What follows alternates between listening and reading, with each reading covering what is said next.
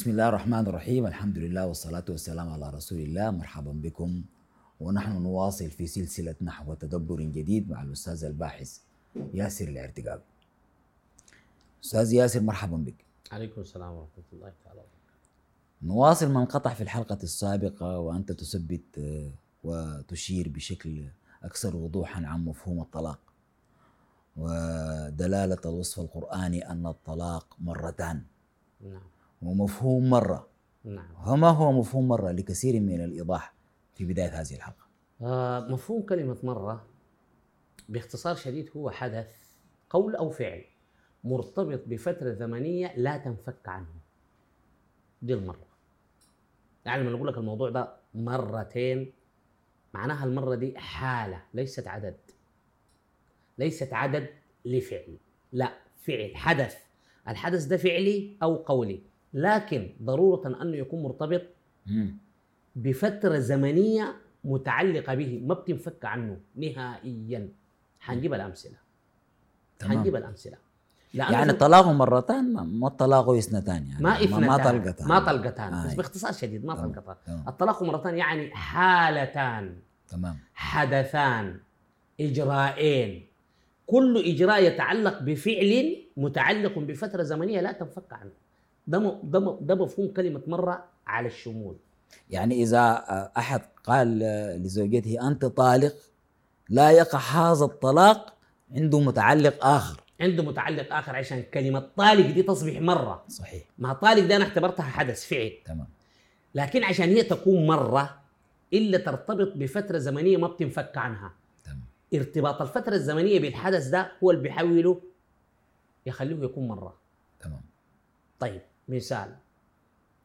الله سبحانه وتعالى لما قال للنبي بشأن المنافقين استغفر لهم أو لم تستغفر لهم. إن تستغفر لهم سبعين مرة. سبعين مرة. فلن يغفر الله لهم.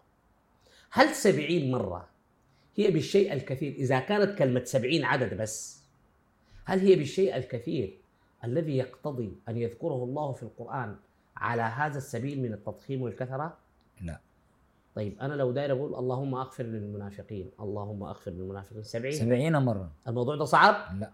يعني ما يكلفك ربع لا ساعة. يتجاوز ربع ساعة صحيح. لكن القرآن ذكره على سبيل شنو؟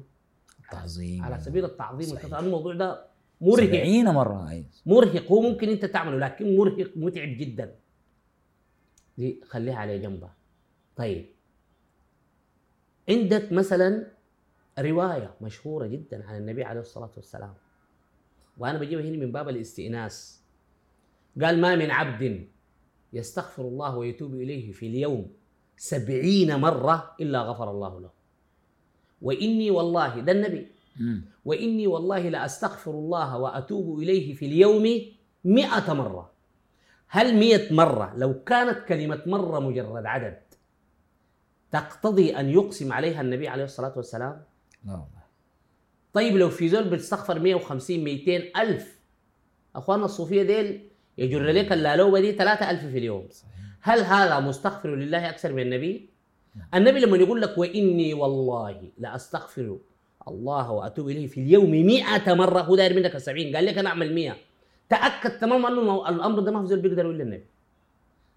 كيف سبعين مرة؟ بخرزات السبحة يعني. إني أستغفر الله وأتوب إليه في اليوم مئة مرة. مئة مرة. يعني استغفر الله العظيم وأتوب إليه استغفر الله العظيم وأتوب إليه استغفر. سبعين. لفتين ونص بتاعت سبحة. أفهمها كيف سبعين مرة؟ لكن لما نقول لك المرة هي حالة بتاعت استغفار. كيف؟ يعني حالة النبي كده حالة وصفها لنا حالة بتاعت آه، استغفار. يعني كيف؟ النبي يدخل في حالة استغفار زمنية حالة زمنية. الفعل استغفار. ومعاه زمن متعلق به. يدخل في حالة حضور الاستغفار خلال اليوم مئة مرة. بغض النظر عن عدد الاستغفار في كل حال. يعني انت لو قعدت مسكت المسبحة واستغفر الله العظيم وأتوب إليه. عملت لك 300 وبعد شوي جاتك مكالمة. قطعت أي عنك حاجة قطعت عنك. الفعل فعل الاستغفار. انت كده استغفرت مرة واحدة. ما 300 ال 300 ذاك عدد الاستغفار. لكن هنا حالة الاستغفار. أنت استغفرت لله مرة واحدة. مم. بعد شوية بعد المكالمة بعد ما أكلت بعد ما دخلت الحمام ثاني رجعت لشنو؟ حالة الاستغفار. لحالة الاستغفار. ذكرت فيها ما شئت من العدد. دي الحالة مالها الثانية. المرة الثانية مرتين. طيب لما تقسم المية مرة اللي قال النبي على اليوم تستبعد مثلا ساعات النوم قول امرق لنا ست ساعات بس للنوم. لما تقسم المية دي على الحالات دي تجد أن النبي عليه الصلاة والسلام على مدار ال 24 ساعة غير ساعات النوم يدخل في حالة استغفار كل 14 دقيقة.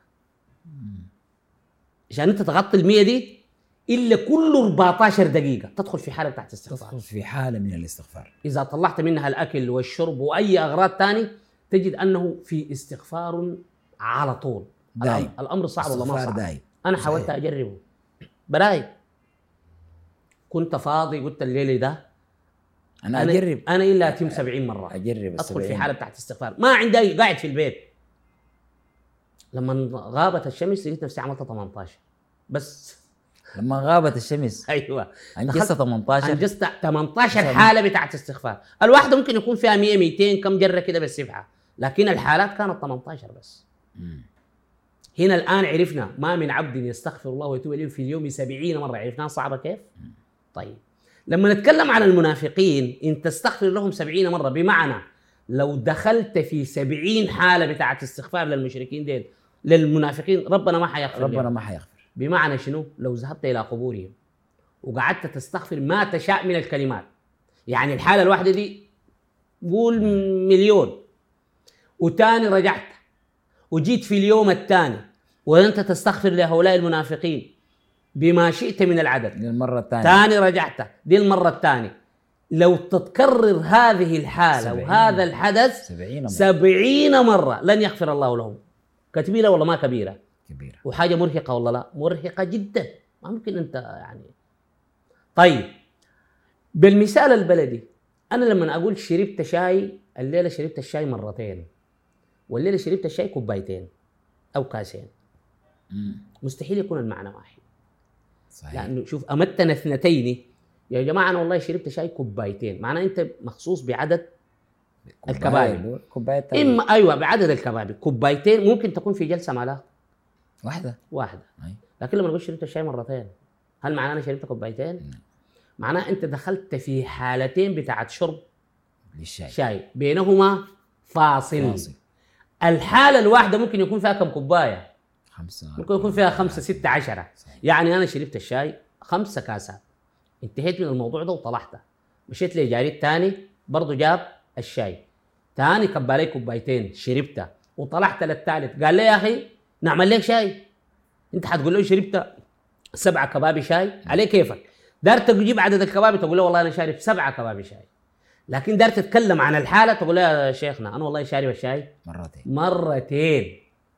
الآن عرفت كلمة مرة. إذا كلمة طالق لو ما انقضت العدة ما بتصبح مرة. دي النتيجة. يعني ارتباط مفردة أو كلمة طالق آه، ك- ك- كلفظ ما بتقع في طلاق إلا بعد اكتمال العدة. اكتبها إلا بعد اكتمال عدة المرأة. يا دوب كلمة طالق دي مالها تنتقع.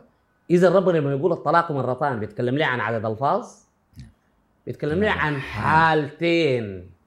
الحالة دي جواها لو مية طلاق ما اكتمل العدة ما في طلاق إذا النتيجة شوف كلمة مرة دي قلبت المفهوم ده كيف. يعني شوف في آية ثانية ربنا يخاطب الحرب عندما كانت سجال بين ال- المشركين وبين النبي عليه الصلاة والسلام. يقول له الذين عاهدت منهم ثم ينقضون عهدهم في كل مرة وهم لا يتقون. وكلمة مرة كثيرة.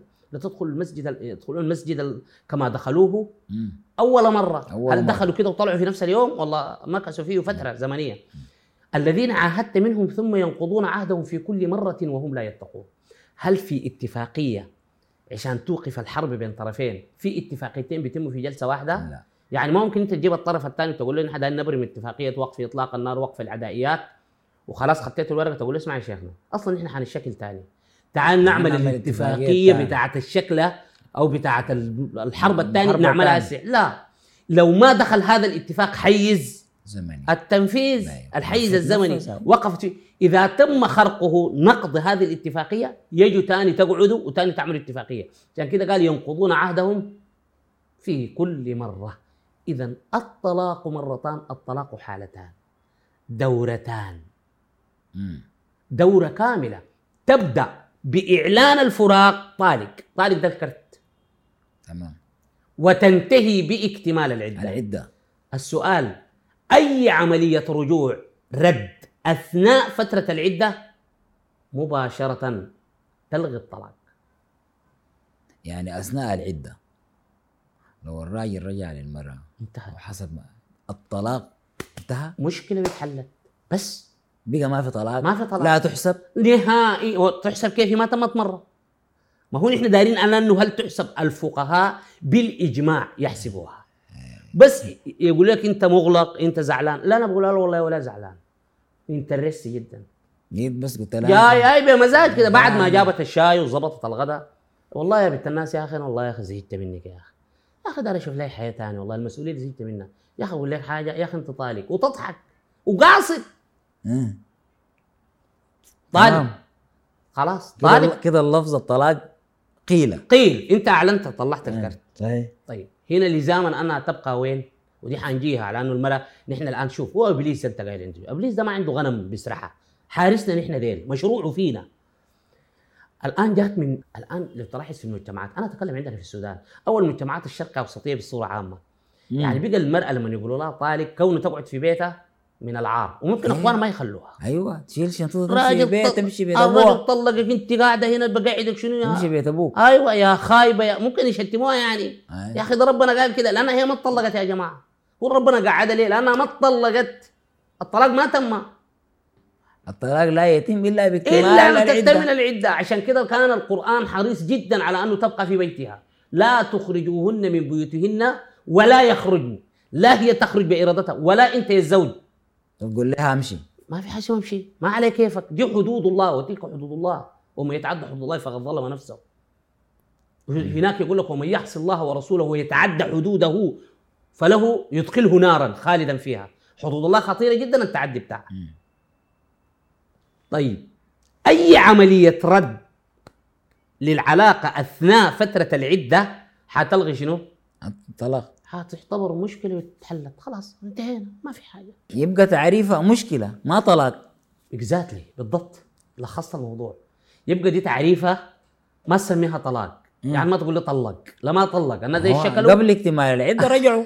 الناس دي يشكلوا ويصالحوا بس انتهينا. لكن مم. إذا أنت طلقته قلت لها طالق واعتزلتها تماما ما قربتها تمام. إلى أن انقضت العدة تمام؟ هنا أصبحت شنو؟ طلقة. مرة, مرة. وبالتالي ثاني عندك حلين. هي الآن أنت طلقت مرة. أصبحت عندك مرة من مرات الطلاق. فإما أن تمسك باتفاق جديد سميه عقد جديد وإما أن تفارق بمعروف. بمعروف. لكن اتحسبت عليك يا دوب شنو؟ مرة. مرة. يلا تعال شوف. دي بتفكني من طلاق الغضبان. لأنه ما في زول غضبه بيستمر ثلاثة شهور أو ثلاثة فترة العدة. فترة العدة. وتفكني من الطلاق المعلق على شرط.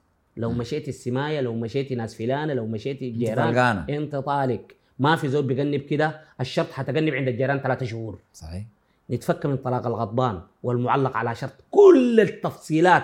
الاصلا قبل جابوها الفقهاء عشان يحلوا المشكلة وكانت المقدمات بتاعتهم خاطئة بالمفهوم ده بتذوب. زي الملح في المية. صحيح. انتهينا خلاص.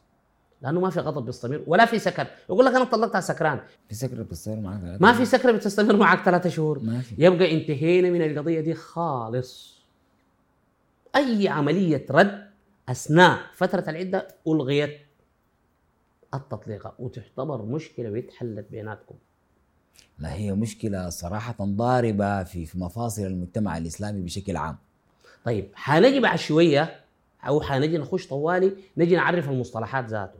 أنا صح. مش قاعد اكد على المساله على أنه رأس الحكمة تعريف تعريف المصطلح. صحيح. أنا بوريك على أنه الفقهاء عشان وقعت ال- ال- ال- الكارثة في الطلاق ده أدخلوا مصطلحات أنا ما أعرف جابوها من وين من بنات اذا أفكاري. اذا رأس الحكمة تعريف المصطلح هو ما سنبتدر به حلقتنا القادمة أستاذ ياسر. ادركنا الوقت والله آه سنواصل في هذا المشروع. مشروع الطلاق هو من أهم المشاريع صراحة التي تلامس كل مفاصل المجتمع الإسلامي. حتى جديد اللقاء نتمنى لكم طيب الاستماع والمشاهدة. إلى اللقاء.